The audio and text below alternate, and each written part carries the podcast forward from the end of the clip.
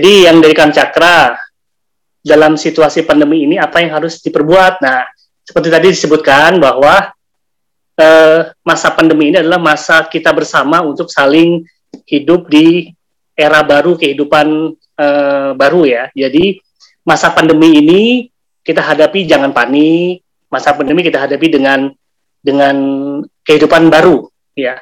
Jadi tidak tidak sampai menimbulkan kita bingung harus ngapain ya sampai sampai harus bingung ngapa-ngapain enggak juga ya. Tetap kita protokol kesehatan yang namanya 3M, sekarang malah 5M kalau nggak salah ya. Kalau dulu kan 3M ya, 3M itu kan menggunakan masker, mencuci tangan dan menjaga jarak.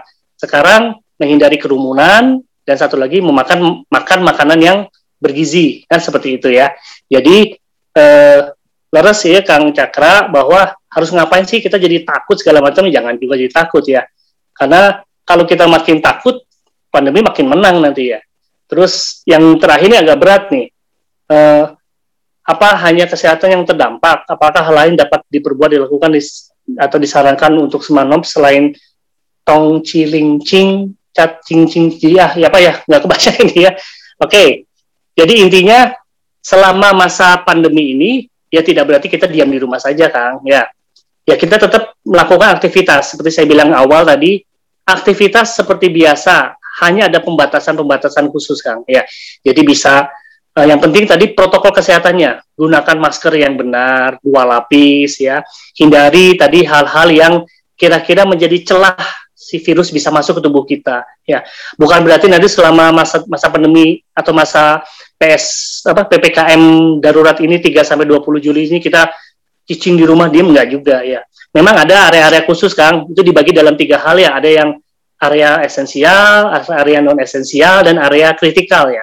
Yang tidak boleh libur sama sekali area, area kritikal yaitu rumah sakit, puskesmas, layanan-layanan umum seperti misalnya supermarket dan sebagainya. Hanya ada pembatasan saja.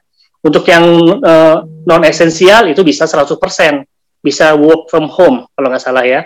Kalau yang esensial itu bisa maksimal 50%. Jadi intinya jangan khawatir kan dengan masa uh, 3 sampai 20 Juli sekarang aktivitas tetap laksanakan seperti biasa, tetapi uh, tetap kita jaga diri kita dan teman-teman juga jaga keluarga kita agar tidak mudah tertular oleh COVID. Itu kan mudah-mudahan puas jawabannya ya.